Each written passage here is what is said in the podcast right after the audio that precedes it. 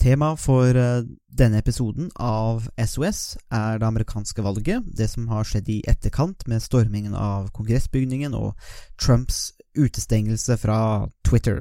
Ukens gjest er Simen Johannessen. Han er seniorrådgiver i eh, Gambit Hill and Knowlton Strategies, og var gjest uh, den i november, da SOS hadde livepodkast på Gran Bar.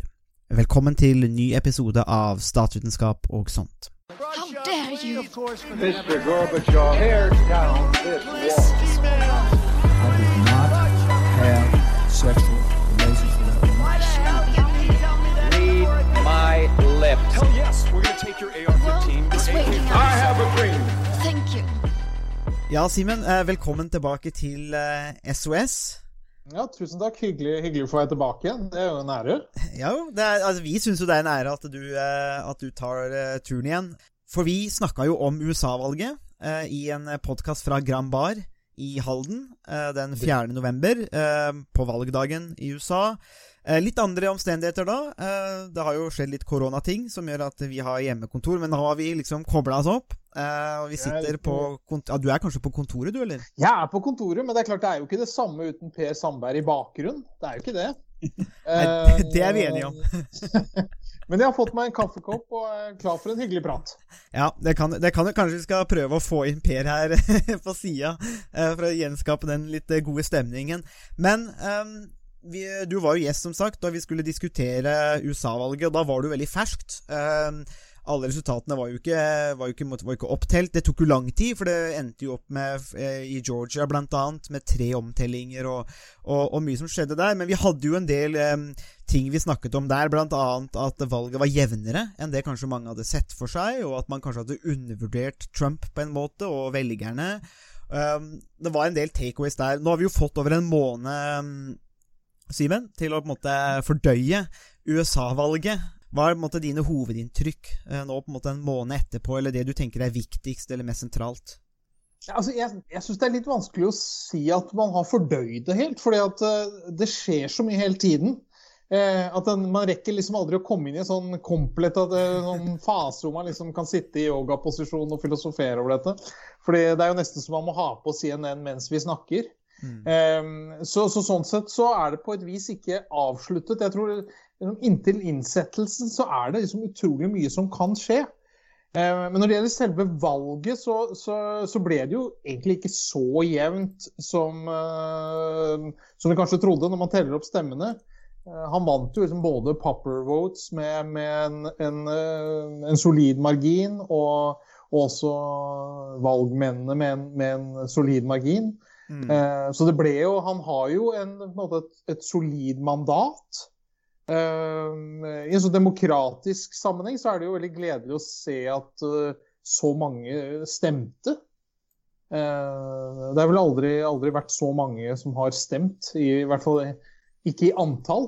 Prosenter skal jeg ikke være skråsikker på, men i hvert fall i antall er det ingen som har, har det jo aldri vært så mange amerikanere som har stemt. Så sånn sett så, så er det for én takeaway at, eh, at eh, Joe Biden har mandatet. Det var god valgoppslutning. Han vant valgmennene, han vant eh, popular vote. Det er Joe Biden flertallet av amerikanerne ønsker skal være den neste presidenten. Mm. Ja, det er jo altså 155 millioner stemmer, vel. Um, og, men var du overraska over, over, over Trumps altså 74,2 eh, millioner stemmer? Eh, var det litt overraskende? Ja, altså, eh, Både og. Altså, eh, det klart Man var jo veldig usikker på hvordan utfallet skulle bli pga. koronaen. Så var det, som, det, er jo, det er jo en operasjon, det å stemme i USA. Det er mye vanskeligere i de fleste statene enn det vi er vant til i Norge, hvor du bare kan tusle bort til stemmelokalet og så være der i fem minutter, og så har du gjort jobben. I USA er det ofte en dags jobb. Eh, liksom, hvis du skal stå i kø, og nå da med, med koronatiltakene og sånn, så det var jo sånn sett en usikkerhet rundt det, syns jeg. Mm. Men, eh, men at han fikk så stor oppslutning, eh, det er vel ikke så rart. Eh, For meg er det mer overraskende at folk fortsatt tror at de fleste som stemte på Trump, er liksom cowboys and idiots, på en måte. Når du tenker at det er fire, eller det heter ikke det lenger, nå heter det 74 millioner amerikanere som, eh, som stemte på, på Trump cirka, litt i overkant av det. Og det er klart, Da er det ikke så mange cowboyer og tullinger og rednecks og arbeiderklasse er det ikke. Mm. Så, så, så fortsatt så Men når man ser i etterkant nå, så er det akkurat som folk fortsatt tror at det er, det er liksom bare Ja, sånn som de gutta som du så i Kongressen, at det er liksom bare de som stemte på Trump. Og det er det jo ikke. Og det har, jeg, det har vært et av mine liksom, hovedbudskap i bloggene mine liksom, hele tiden. Å forsøke å si at det er, det er mange grunner til å stemme på Trump. Eh, og så, så blir det, Men så blir liksom etterlatt hele, inntrykket hele tiden at det er bare en gjeng med, med, med sul- sullinger. Sulliker. Mm. Bag of deplorables. Eh, så nei, så veldig, veldig overrasket. eh, det er jeg ikke. Mm. Eh, Harald, eh, din, eh, dine tanker om eh, USA-valget nå litt på Det er jo riktig som Simen sier, vi har jo måtte ikke fått tid til å fordøye det helt, men eh, eh, i hvert fall på den måneden, måneden som har gått, da. Ja, jeg er veldig enig i det Simen sa innledningsvis om at valget har, man, har vi egentlig aldri blitt helt ferdig med, fordi det har hele tiden vært en, en løpende utvikling. Og det, det blir det nok nå den siste uken også, fram til, til innsettelsen. Eh, og etter det så vil, eh, vil jeg tippe at eh, situasjonen vil kunne bli litt, litt roligere. men Jeg har jo sett i flere aviser eller nettaviser i dag at det kommer til å være ganske stort sikkerhetsoppbud, og man har vært litt redd for ulike former for attentat eller angrep. Så det, det er jo fortsatt muligheter for at det kan, kan bli en del mer dramatikk, selv om det i og for seg kanskje ikke er noe dramatikk rundt eh, om Trump vil eh, vil gå av eller ikke. Akkurat den biten eh, jo, virker jo forholdsvis eh, av, avklart, i hvert fall sånn som det, det ser ut, eh, ut nå. Eh, og da vil det jo kunne bli litt roligere. Men det som altså, er litt interessant, er jo hva som vil skje fremover. Om riksrettssaken vil eh, rulle og gå, eller om eh, det vil eh, man vil forsøke å på en måte avslutte Trump-kapitlet så, så raskt som, eh, som mulig.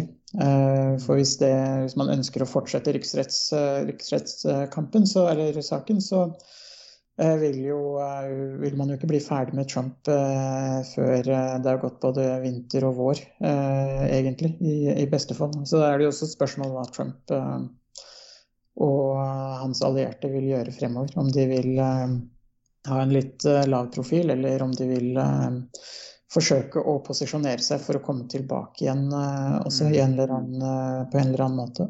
Jeg, jeg tenker jo, i hvert fall noe som slo meg eh, etter valget òg, er jo litt det der med Jeg, syns- jo det er litt spesielt at det må legges så mye vekt på at eh, man må liksom banke inn hvordan demokratiet fungerer litt til, til en del, altså sånn som Trump og en del av de tilhengerne, om at, at det er en fredelig maktovertagelse da, som er kjernen i demokratiet. Har man vunnet, så har man vunnet, og taperen aksepterer disse tingene. De bruker jo veldig mye tid på det. Og det som oppsummerte det for meg, var et bilde fra kongressbygget når de hadde storma det. Så lå det igjen en boks med Axe. Eh, sånn spray, deodorantspray. Og da gikk Axe ut på Twitter med en egen pressebriefing eller statement hvor de sa at Axe støtter demokratiske prinsipper om fredelig maktovertagelse og, og, og disse tingene. Og da tenkte jeg liksom Ja, det for meg oppsummerer litt sånn hvordan hvor, vi er, hvor Axe må liksom inn og ta på liksom rollen som en forsvarer for demokratiet. Jeg, jeg tror ikke det er noe Axe hadde sett for at de skulle gjøre, men de følte i hvert fall at de måtte ta avstand fra dette, da.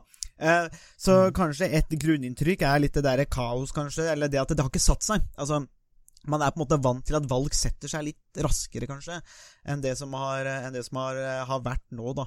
Eh, men Mm. jeg tenker på det der, nå som vi, vi har nevnt litt det med den stormingen av Capitol, du nevner litt det med om man kommer til å gå av, for det var det jo litt sånn tvil om. Men denne stormingen av kongressbygget, Simen, tror du det Tror du det nesten tvang fram litt mer, altså pressa Trump litt mer, for at det ble så voldsomt at det nå han, han, Fram til det så virka det som han hele tiden kunne antyde at ja, men vi har ikke tapt valget, vi har ikke tapt valget, vi har ikke tapt valget, vi må fortsette og fortsette og fortsette. Mens med den stormingen av Capitals er i hvert fall mitt inntrykk av at det var litt over the top for veldig mange, slik at han kanskje mista litt av det der momentumet på det der. Hva tenker du om det, den saken Nei, altså, der? jeg, jeg, jeg syns jo den, den stormingen er Den tror jeg vi kommer til å snakke om lenge. Ehm, eh, fordi det er eh, Det er på en måte eller det er, åpenbart veldig ulike perspektiver på den. Altså noen Eh, og CNN og de store var liksom veldig raskt ute og snakket om terrorisme. ikke? Mm. Eh, domestic terrorism. Eh, og, og liksom et organisert liksom angrep eh, på, på Kongressen. Militser som kom sammen osv. Um, men samtidig så, så, så så det jo egentlig bare ut som en litt sånn guttegjeng som skulle teste grenser. Um, som en sa, jeg har veldig vanskelig for å se for meg ubevæpnede terrorister. Og det var det jo i stor grad uh, hva dette var. Ja, det, vi hadde, det var noen tragiske dødsfall, og ja, det kom inn noen pistoler osv. Men det, de fleste hadde jo bare med seg mobiltelefonen, som de jo, jo brukte ganske flittig. Mm. Eh, altså Man vet hvilket våpenarsenal amerikanske militser kan liksom eh, grave frem. Eller de bør ikke grave så vidt heller, det holder bare å gå bak på pickupen. Eh, så var jo dette ganske puslete, hvis det er lov til å si det sånn. Jeg vet at mange blir provosert av det, fordi de syns symbolikken blir så sterk. Eh, at man at det var liksom man, altså jeg mener, man, kanskje Noen har blitt litt blendet av symbolikken her. Nettopp fordi det var Kongressen, så ble det liksom så sterkt. Mm. Og så bruker man veldig sterke ord. Um, men mens kanskje det mest oppsiktsvekkende var jo hvor lett de kom inn. Eh, det var jo liksom eh, De møtte jo nærmest bare noen litt sånne vettskremte sikkerhetsvakter med batonger og eventuelt noe Axe Spray, som var en sånn erstatning for tåregass, eller hva det var. Eh, så der må det jo komme en oppvask. Mm. Um, Men, men, men jeg vet at der, der er liksom frontene veldig steile i analysen på akkurat hvor, hvor, liksom, hvor alvorlig dette var reelt sett. Selv om symbolikken av liksom, folk som klatrer i Senatet, blir veldig sterk. Det blir som et angrep på demokratiet. Mm. og en skamplett for USA og ting som bare skjer i, i shithole countries, som, som Trump begynner å kalle det. Mm. Um, så hvorvidt så du, Jeg tror du har et poeng i at uh, det ble altså Alle anstendige mennesker, også de som av taktiske grunner har på en måte støttet Trump, eller i hvert fall ikke gått aktivt ut mot ham, de, de liksom tenkte at OK, nå har vi nådd en grense. Mm. Um, men jeg tror jo også at det skyldes timingen. Altså alle skjønner jo nå at hvis du har planer liksom, om et videre politisk liv, så er det kanskje ikke Trump-leiren du skal være i. Jeg tror liksom, Enten om du er politiker eller advokat eller rådgiver av annen sort, så skjønner du kanskje at nå er det på tide å bytte lag. Ikke Mm. Det er, det er som i, liksom i, i, i maidagene 45 i Norge. At da kommer plutselig alle ut og har vært motstandsmennesker hele tiden, tilsynelatende. Mm. Eh, For man skjønner at nå er tiden for å komme seg over på rett side av historien. Eh, Så jeg, så jeg tror jo, så det var nok ikke bare liksom dette at det var eh, et angrep på Kongressen alene, men, men det sammen med at nå er liksom tidspunktet for å bytte lag, da, for å si det sånn. Mm. Og så kan man bruke dette som et argument. Mm. Um, så, så jeg tror, så, sånn sett så, så ble det liksom OK, nå, nå, nå gjør vi det. Nå, Ja. er, nå, bryter vi med Trump. Og det egentlig med veldig liten risiko Mm. for, for, for de aller fleste, tross alt. Selv om det er noen av kongressmedlemmene som selvfølgelig har en stor andel av sine velgere eh, blant folk som støtter Trump. Og det er klart Man må være litt varsom sånn at man ikke støter fra seg de, sånn at eh, du blir jagd hjem fra Washington ved neste, ved neste korsvei. Mm. Jeg tenker den uh, eh, mai 45-dagene er en veldig sånn, et godt bilde, egentlig. Uh, for det kom jo mye motstandsfolk der ut av, uh, ut av skogen, holdt jeg på å si, som man ikke hadde sett før. Det er, så det er jo et, eh, noe som ofte skjer, og det, det er jo litt sånn er, Det er jo mange som nå som sier at vi alltid var veldig kritiske til Trump, og det er svært mange kritikere. Vi bare så ikke noe til dem da, underveis, men det får så være. Harald, Um, jeg tenker at Simen har et veldig godt poeng. Det der med den overreaksjonen. Uh, jeg skal si litt selv òg, som terrorforsker, om hva jeg tenker om det med, med det, bruken av terrorisme. Men, eh, men din reaksjon først, Harald, på nettopp det der med som, som Simen nevner, med den overreaksjonen, på en måte. og Er det mer symbolet, eller altså Hva tenker du om akkurat det, den, det elementet der?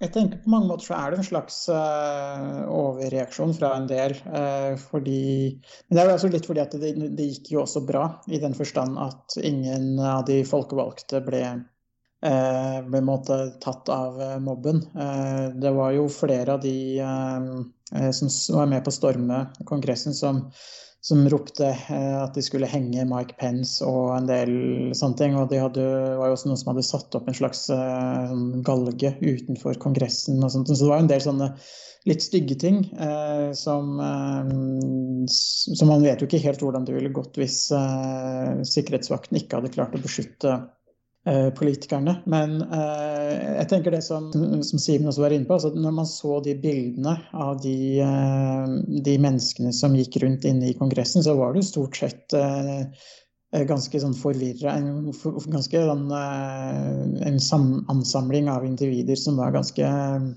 forvirra og så litt rådville og uh, håpløse ut. Og var vel kanskje overrasket over at de i det hele tatt hadde kommet inn. Uh, og de gikk jo mest rundt med flagg og satt sånne røde maga-hatter eller luer, capser på statuer og, og sånne ting etter hvert. Så så det er det, det, var en blanding av veldig mye, mye forskjellig. Eh, og eh, det, det, som er litt, eh, litt viktig, og som altså Simen var inne på, det er det med at eh, det, er, når det er så mange som nesten 75 millioner amerikanere som stemmer på, på Trump, så, så, handler det også litt om at de, når man har et sånn topartisystem, så er, består partiene ofte av Eh, koalisjoner av ulike interesser og ulike grupper. Eh, og eh, det republikanske partiet består jo av, de, av, mange ulike koalisjoner, og en av de gruppene som, som, støtter det, eller har i hvert fall støttet det republikanske partiet, er jo de konspirasjonsmenneskene som, som, det var mange av som var med på stormingen av, av Kongressen. Og samtidig så er det jo mange som eh, andre koalisjoner eller grupper som eh, det republikanske partiet består av, som også har stemt på Trump, men av ulike, ulike grunner. Og, og, så, og, nå blir det veldig interessant uh, hvordan de gruppene vil uh, forholde seg til det republikanske partiet fremover, og hvordan det republikanske partiet vil håndtere de ulike gruppene. Uh, det republikanske partiet er jo avhengig av en bred koalisjon for å vinne tilbake makten både i Senatet og mm. Representantenes hus, og eventuelt uh, presidentembetet en gang i, i, fremtiden. Så det, det, de vil på en måte ikke klare seg helt uten de eh, ville demonstrantene, men samtidig så vil de måtte, kunne, vil, vil de måtte bygge nye koalisjoner også, til en viss grad. Mm, ja, Det tenker jeg er veldig interessant, uh, den koalisjonsbyggen der. Og det, det der topartssystemet er jo veldig interessant. Vi, uh, vi, har nevnt det litt før, Harald. Jeg tror det blir, kommer til å bli en tema for en podkast òg, om, om, et sånn topartssystem nesten er litt satt opp for konflikter. Fordi at man mister den der muligheten til å drive annen type alliansebygging. Det blir veldig sånn svart-hvitt, da. Enten-eller. Uh, det tenker jeg er et interessant demokratisk spørsmål, egentlig. Hvorvidt det systemet er rigga for kompromiss. Eh, eller om det egentlig er rigga for en konflikt som man ikke får løst, at man sikrer en polarisering. Men det må vi ta en mer debatt om. Men um, og jeg tenker jo at både det du og Simen er inne på, beskriver veldig godt situasjonen. Fordi, eh, og jeg er jo jeg studerer jo terrorisme og ekstremisme, og bruker eh, litt for mye tid inne på noen av disse forumene, blant annet 4chan, og leite meg gjennom der. Og det som også slår meg der, er at det er en veldig miksa bag av folk. Du har noen med klare ideologiske preferanser og syn. Og så er det mange som rett og slett bare hater jøder. Det er mange som hater kvinner. Uh, og det er en veldig sånn miks. Uh, og, jeg så, og jeg har sett en del bilder og filmer inne på 4chan fra kongressbygget, for det var en del av de som var der. Uh, og det, det, jeg også da ser, er jo også det at i bygget, selve bygget der, så står de jo bare Da er det ukvemsord om, Biden, om Biden og Pence. Og så er det noen som driver med QAnon i ett hjørne. Og så er det noen som skriker at eh, vi blir styrt av eh, noen kommunister som driver i sine undergrunnsgreier der. Og så er det noen som mener at valget er stjålet, le legitimt. Og så i det der, Når de var inne i, den salen, så fikk det var sånn mikrokosmos, for du fikk liksom alle disse ulike stemmene. Og det tenker jeg er et symbol også på det republikanske partiet til, til en viss grad. og noe av den situasjonen, og hvorfor jeg også tenker sånn som deg, Simen, at eh, når vi tenker om terrorisme, så tenker vi ofte en, en, klart definert handling, en strategi, og organisert. Det kan jo ha vært organisert her til en viss grad, men, men ikke, ikke, ikke, sånn som vi vanligvis eh, assosierer med terrorisme, da, og jeg tenker nok også at eh, det kanskje begrepsbruken Jeg skjønner hvorfor de brukte den, for de følte at de måtte bruke det rett og slett på eh, hvite folk som gjør opprør, nærmest. Eh, for de har slengt det mot Antifa, de har slengt det mot BLM, så det var nok et press der. Om Hvorvidt det gir mening, vet jeg ikke. Det, man, det jeg tenker er det viktigste, er at når man får sånne hendelser, så gir det en indikasjon på at det er ting i samfunnet som presser dette fram. Og det er det, er det vi trenger å vite, egentlig. At eh, det, er, det, er, noe som må jobbes med i samfunnet. da. Eh, og at det er politiske skiller om polarisering. Jeg vet ikke om du har noen mer tanker om dette. Men det er i hvert fall, altså jeg, jeg, tenker også at en liten sånn kraftig, til dels overreaksjon, men det stemmer nok med symbolikken. Og da slår man hardt ned på det, da. ikke sant? Eh, spørsmålet er om man gjør noe med de underliggende årsakene, da. Ja, og det er jo kanskje det eh, eh som jeg er usikker på, da. Fordi, også fordi jeg merket, eh, særlig i Norge, at med en gang eh, Biden hadde ble det beklart at Biden i hvert fall formelt sett hadde vunnet, selv om vi kanskje følte liksom at det fortsatt var litt sånn up in the air, Men, så, så, ble, så, var det akkurat som alle falt litt til ro. At liksom OK, nå alle, alle, Nå snakker jeg om de såkalte USA-ekspertene. da, At nå falt man til ro. Nå hadde liksom Biden hadde vunnet. Han begynte å signalisere litt hva slags type folk han skulle ha med, som var mye folk fra Obama-tiden osv. Um, nå falt liksom verden litt tilbake på plass. Nå forsto vi verden plutselig. Det var liksom akkurat som han lukket døren til hele Trump-æraen og sa liksom OK, nå, nå, skjønner jeg det. Nå er vi tilbake. Dette kan jeg, det, dette kan jeg analysere. Dette kan jeg snakke om. Um, og så glemmer man liksom at det er en hel haug med folk der ute som fortsatt er der. Mm. Uh, og, som, og som har, selv mange av de er uh, rabiate og usaklige, og det, altså, det er uh, ekkokamre og altså, alle disse tingene som, som det snakkes om, så, så, er det noen legitime ting som rører seg også. Det er store forskjeller i USA. Og de er liksom Og de har blitt eh, Og de har blitt større. Eh, og pga. endringer liksom, i, i næringsvirksomhet osv., så, videre, så er det noen områder som har blitt liksom, nærmest forlatt. Mm. Uh, uten at noen har brydd seg i særlig stor grad. Um, og uh, vi snakket jo om dette, vi brukte dette begrepet i forrige podkast som flyover states. Som folk liksom på, kyst, på kysten på hver kyst bruker. Det er, det, er, en litt sånn nedlatende holdning. Mm. Eh, sånn manglende respekt for måte, den type livsstil og den type næringsvirksomhet som de driver. Um, og det er der fortsatt. Mm. Eh, så, det, så, når man tenker at liksom, ok, nå falt verden liksom på plass igjen, og vi kan fortsette som liksom Vi kan bare sette en strek over disse fire årene og så fortsette som før. Da tror jeg man har misforstått, altså. Men, men, eh, og da vil det komme ja. nye reaksjoner.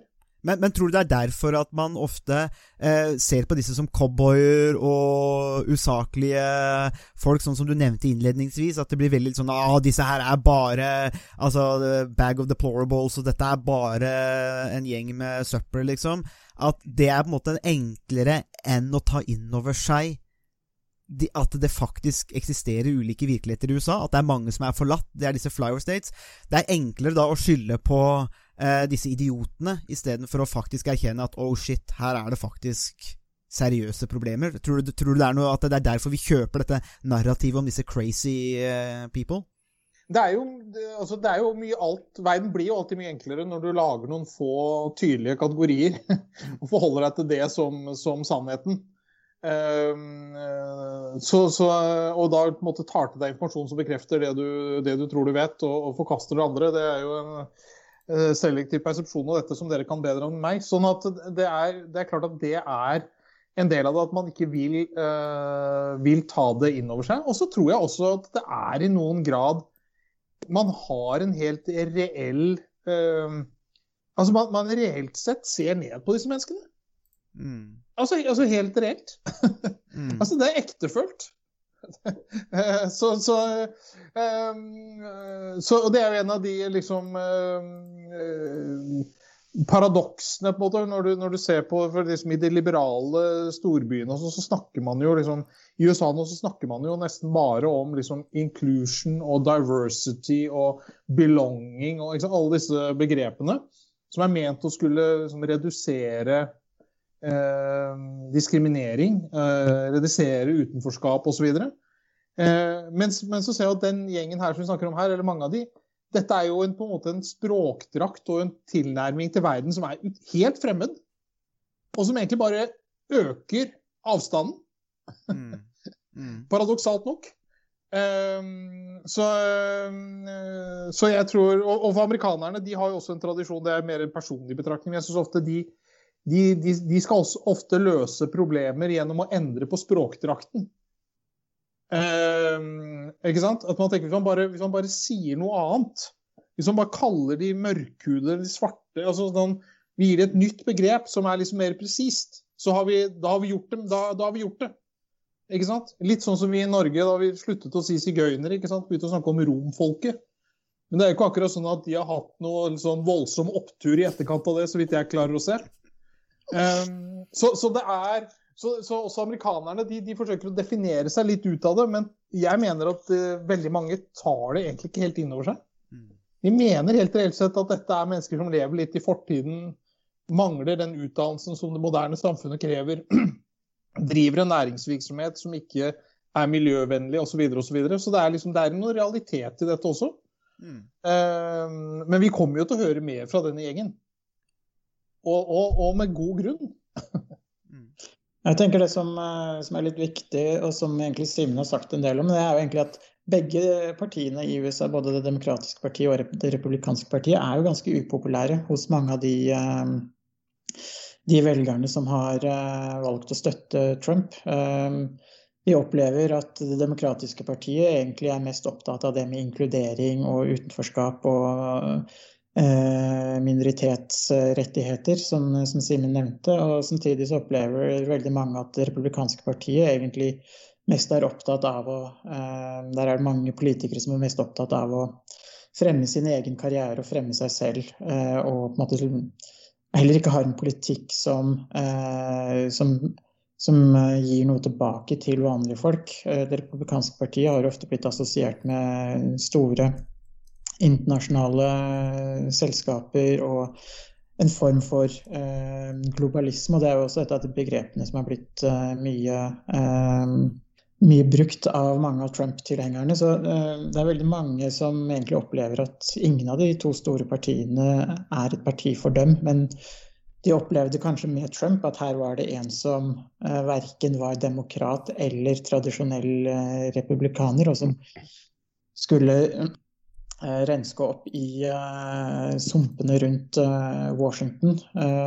Og det var kanskje noe av det som ga appell i utgangspunktet. Nå har det ikke akkurat gått helt etter planen, hvis planen var å drenere sumpene. Men det, fall, det, sier i hvert fall noe om at verken, uh, ingen av de to store partiene er populære i USA. og Trump var jo en slags redning, fordi han var jo ikke typisk republikaner. sånn som mange av de andre i, i partiet.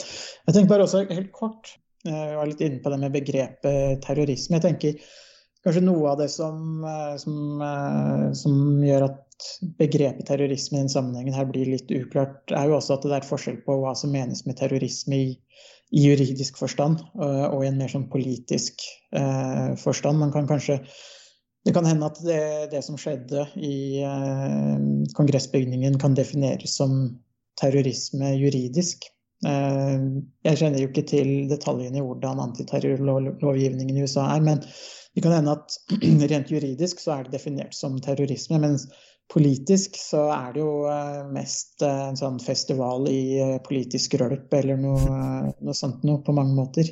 Mer enn en, Det er ikke akkurat Bader Meinhof eller um, Al Qaida eller noe sånt noe. Det er mer det er et veldig sånn Motley Crew som, som satte i gang et eller annet de ikke helt uh, forsto eller visste hva de egentlig drev med. Mm. Altså det er jo eh, vi skal jo, ikke, vi skal ikke undervurdere potensielle konsekvenser hvis de hadde fått tak i Nancy Pelosi eller Mike Pence. Da tror jeg det kunne gått gærent, men, men Så vi må jo være åpne for det. Men, men, jeg tenker at det er et godt poeng likevel. Da, at, eh, og noe jeg, noe jeg, vil si da, som terrorforsker her, er jo det at det finnes 293 definisjoner av terrorisme.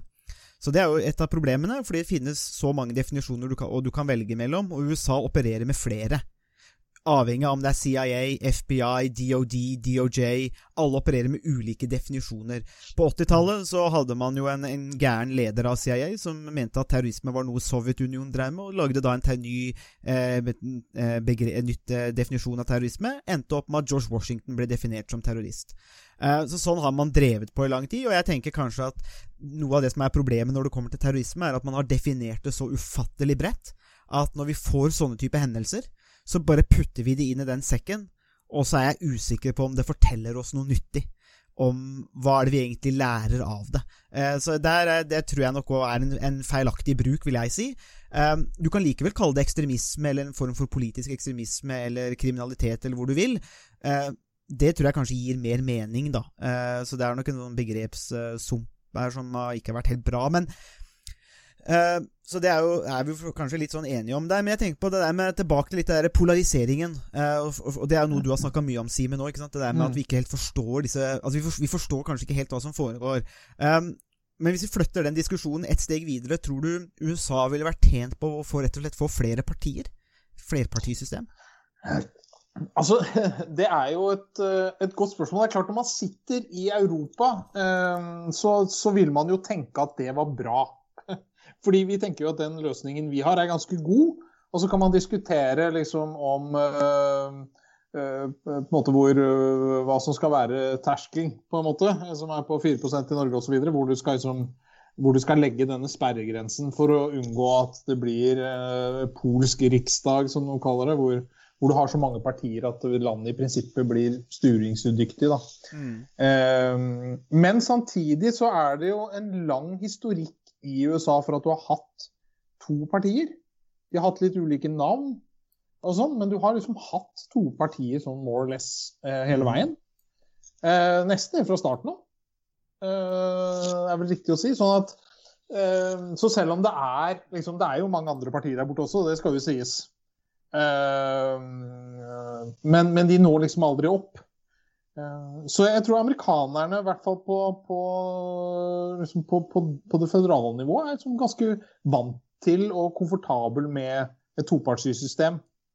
Eh, så jeg tror det er en ganske lang vei å gå for å endre på det. Så jeg tror vel at amerikanerne må starte i en annen ende for å, for å begynne å snakke sammen litt igjen. Som kanskje er noe av eh, problemet her, at man har sluttet å snakke sammen. Ja, og Hvordan kom man dit da? Altså, Harald, det her er jo, nå, nå, er vi jo virkelig inne i politikken, i statsvitenskapens kjerne. Dette går på tillit eh, til systemet, til hverandre. Eh, hvordan, hvor, hvor, begynner amerikanerne her, tenker jeg på. Det, nå, nå, og, nå, kan vi jo gi dem svaret, ikke sant? så da kan de komme hit og høre på, så skal de få svaret nå. Ja, vi burde nesten gjort en podkast her på engelsk, så Nei, nei, men altså, jeg, jeg, må si, eh, egentlig si at jeg, jeg, blir, jeg, har egentlig blitt litt irritert av de eh, kronikkene og de journalistene og kommentatorene i Norge som har gått ut og sagt at enten at USA må lære noe av det norske politiske systemet, eller eh, som jeg tror det var Therese Solien i Aftenposten forrige uke, mm. som skrev om eh, Arendt Leiphardt sin, eh, sin bok om ulike mønstre for demokratier hvor eh, måte, den type partisystem som vi har i Norge, fungerer bedre, og at USA liksom måtte lære noe av det. Men uh, det er dessverre altfor enkelt. Man kan bare gå mm. til uh, Italia, så ser man hvor dysfunksjonelt uh, et flerpartisystem kan være. Mm. Der har vel den gjennomsnittlige levetiden til, til en regjering vært omtrent et år eller noe sånt. Og det det er omtrent like ofte som jeg skifter uh, undertøy, så Det trengte vi ikke å vite. Men i hvert fall så jeg, jeg tror det blir litt, litt, for enkelt å si at uh, topartisystemet er uh, årsaken til, uh, til, problemene her. Mm. for det finnes veldig mange dysfunksjonelle flerpartisystemer også. Det som, det, som, er litt spesielt for Norge, er jo at vi er et veldig homogent land.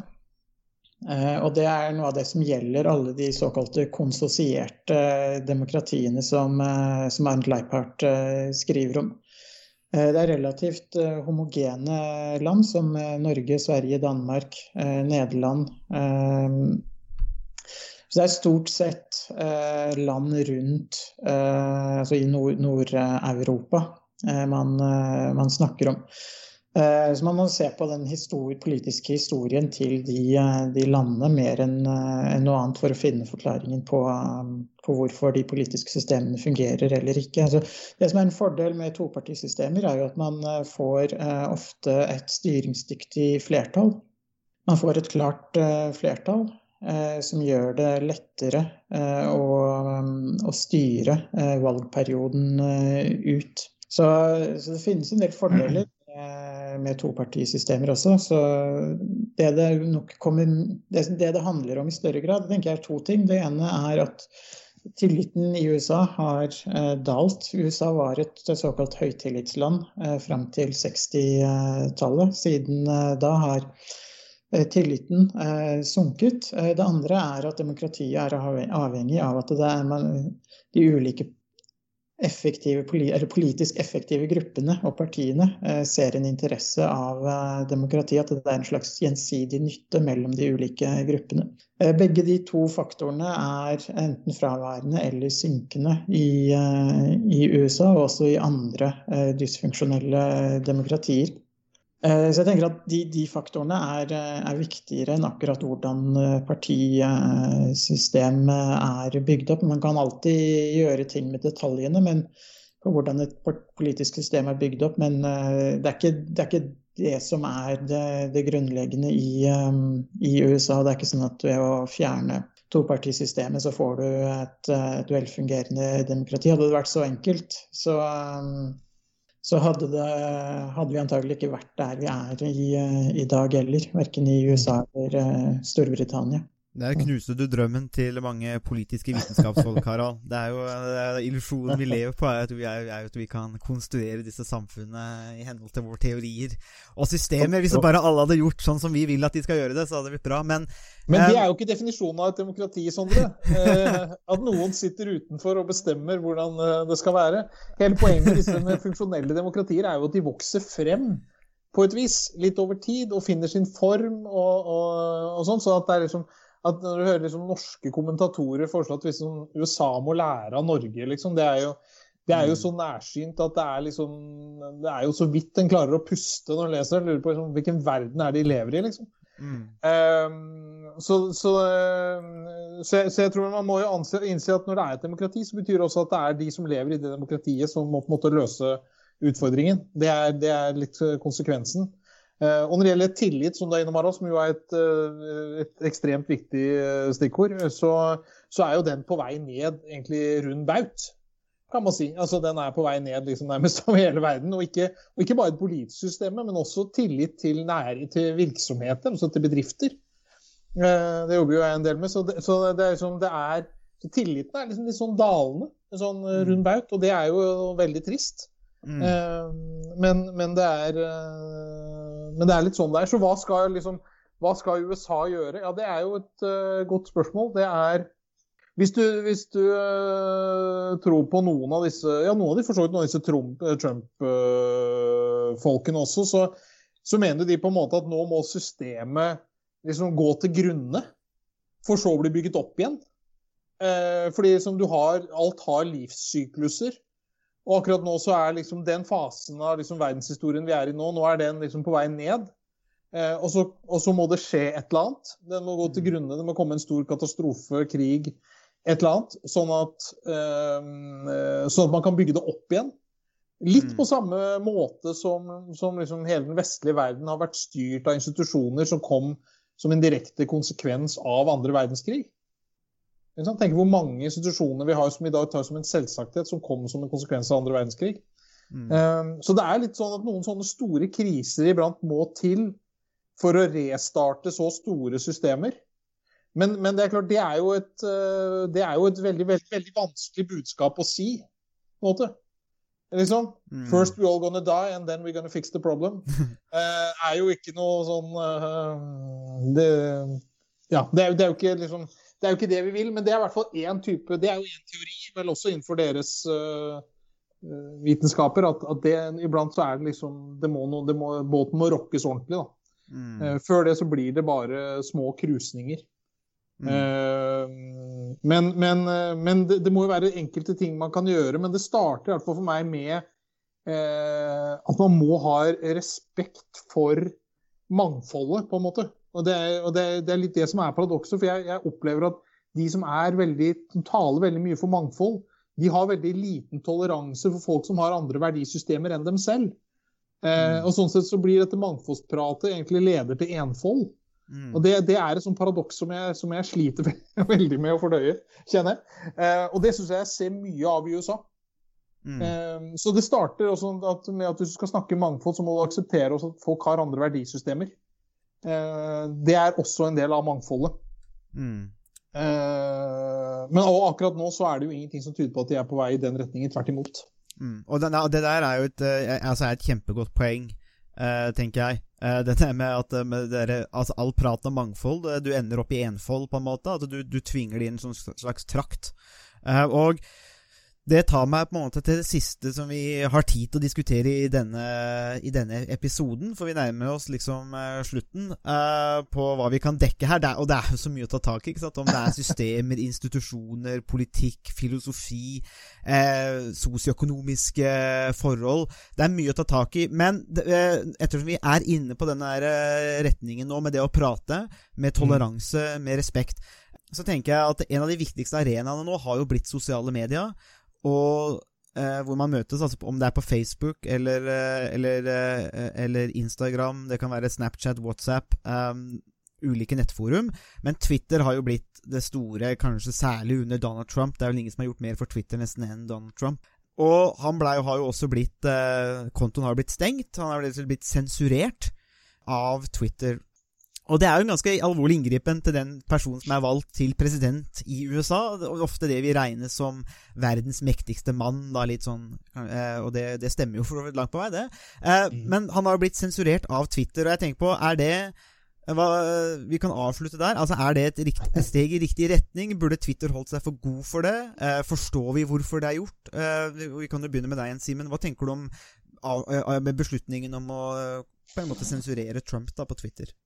Nei, altså, Når du tenker på timingen her, da, så er vi litt tilbake igjen i, i mai 45. Altså, de, de har hatt mange liksom, Han har holdt på nå, han har skrevet vel i gjennomsnitt 35 tweets om dagen. Det blir ganske mange tweets. Og så akkurat nå så, tenkte, så ble det liksom til at nå kan de på en måte gjøre det uten at det blir for store sanksjoner. Ikke sant? Så, så jeg er ikke sånn kjempeimponert. Ikke sant? Akkurat som, som kongress, altså republikanere som kommer ut og sier at de har vært skeptiske til Trump hele tiden, som du nevnte, Sondre. Ja. Det, er, det er noe med timingen her som gjør at dette har en litt sånn dårlig smak, syns jeg, da. Det andre er jo selvfølgelig litt sånn prinsipielle. Eh, Jeg, tenker- altså jeg, jeg forstår jo at sosiale medier må ha retningslinjer. Eh, Eller ikke bare må ha, bør ha, skal ha, må ha, åpenbart. Eh, Men det må være retningslinjer som gjelder for alle. Um, og liksom stenge enkeltkonti på den måten, det er jo ikke med på å, å bygge tillit, og er jo heller ikke med på å bygge bro til den gjengen som vi snakket om at vi må snakke mer med. Mm. Så at det, det, er liksom, det, er liksom, det er tre ting. Det er liksom, Prinsipielt så, er det, så er det ugreit. Så lenge det ikke baserer seg på generelle regler som da må gjelde alle. Og så er det liksom politisk litt sånn uklokt i forhold til nå den her, eh, denne gjengen. Og så er det liksom det tredje at timingen tyder på at dette er veldig opportunistisk fra Twitter sin side. Så det er liksom Det er ikke så veldig mye å glede seg over her, altså. Egentlig. Selv om det første øyekast kan se sånn ut. Mhm. Ja, nei, Jeg støtter det som Simen har sagt nå. Det, det skjedde vel omtrent eh, samme dagen som eh, demokratene fikk flertall i Senatet. og det er litt sånn så det blir veldig den uh, mai-stemningen 1945 uh, som, uh, som råder. Og det, det er klart Man kan jo diskutere sånn prinsipielt hvor er det de retningslinjene hvor, hvor er det man skal eh, trekke grensene for hva som er greit å, å si på sosiale medier eh, eller ikke.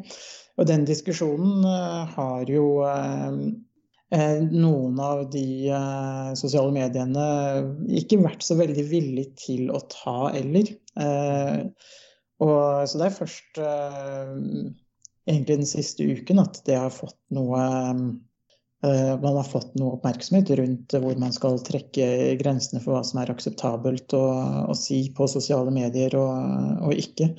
Eh, og det er klart, akkurat eh, når det gjelder en del av det som, uh, som skjedde for en uke siden, så, så kan det hende man er i et grenseland for hva som eh, så man, man må kanskje diskutere eller eh, analysere både tweetene til eh, Trump og retningslinjer om sånn prinsipper for hva som er greit å si og ikke si, før man kan si noe helt bestemt. Men samtidig, altså det, er, det er klart den konteksten og den måten noen av tweetene og noen av så mye av det som ble sagt, ble presentert på, gjør at det kan Man nærmer seg fort et grenseland for hva som er både lovlig og akseptabelt å si, men samtidig så blir det veldig nølende, og det gir en litt sånn dårlig smak i munnen når de kommer så på etterskudd og ser at oi, nå må vi nå må vi gjøre noe. Vi burde ha gjort noe for fem år siden kanskje, men vi har ikke gjort det fordi vi tjente penger på det eller et eller annet. Så, så det blir veldig Uansett så, så, blir det veldig galt, og det kan godt hende at det vil det var, var riktig sånn rent prinsipielt å stenge kontoen til, til, Trump, men da er det i så fall mange andre kontoer som også burde ha blitt stengt for, for lenge siden. Og de, dette er jo noe som Twitter og andre sosiale medier burde ha tenkt gjennom eh, for mange, mange år siden, egentlig. Mm. Ja, det, er, og det tvinger, det tvinger, jo bare altså, det, ikke, altså, det, det, vil jo bare bli erstattet av andre sosiale medier. Det, liksom, det, koster en halv kalori, kalori, å utvikle noe nytt hvis du vil det. Sånn at det er jo ikke, det er jo ikke sånn at, disse, at, folk slutter å kommunisere, liksom. Mm. Eh, du bare flytter det ut og kanskje inn i enda mer lukkede kanaler. Eh, som, som, vanlige folk ikke ser i det hele tatt. Eh, så, så, igjen så er jo det bare med på å skape en veldig sånn Ja, det er egentlig bare med på å øke polarisering på mange måter. Mm. Eh, så, eh, så jeg, jeg, tror Nei, det der er Det der syns jeg er det, er det er vanskelig rett og slett. Selv om jeg skjønner det jo. Men så får du sånne absurde altså Fordi de har mye sånn globale bare kan tenke på nå at det var, Jeg jobber en del med reiseliv, og det var og, og i Norge så har vi jo en øy som heter Kjerringøy. Men for på Facebook så er jo ikke kjerring er jo ikke et lov som er jo ikke et, lov, ikke et lovlig ord. Eh, så, så, det regnes som liksom upassende. Hmm. Eh, så Kjerringøy får jo stadig vekk sånne påpakk når de poster ting. Som selvfølgelig bare fører til at de får enda mer oppmerksomhet. Eh, men det er liksom, man, man, sitter og lager litt sånne globale regler, og så får det sånne absurde utslag. Og så leser man liksom om dette, så tenker man her er det, det er noe som ikke stemmer her. altså. Mm. Eh, liksom. det er, det er, her må det gjøres en grundigere jobb liksom, enn å bare stenge, stenge Trump ute og, og nekte folk å si kjerringøy. Liksom. Du må passe deg nå, Simen, ellers så blir du offer for cancel culture. Uh, du må passe på hva Deplatforming. Deplatforming, ja. Det er, altså, det er ikke noe ja, Vi har en sikker plattform der oppe, en sikker oljeplattform, men det er um, det er jo veldig gode poenger uh, igjen. altså Den der uh, diskusjonen rundt der. Uh, liksom, og Twitter er jo en offisiell arena. Det er jo bedre, nesten, kan man jo si, å ha Trump og andre der. fordi at det er en mer ordna arena, tross alt. da hvor man kan lufte disse tingene. Og, og det å gå og sensurere er, er, et ganske alvorlig grep, og man kaster ut en del kontoer. Hvorfor gjorde man ikke før? Ikke det, som dere sier, det smaker jo dårlig at man når, når, når, mobberen plutselig, den største mobberen, er nede for telling, så kommer liksom eh, alle til og skal uh, virkelig denge hjem budskapet. Uh, og det er jo litt sånn tragisk, for det burde man jo kanskje gjort for lenge, lenge siden. Um, og det der med de, ja, alle de globale reglene Mitt inntrykk er at man, det blir jo fordummende på én måte.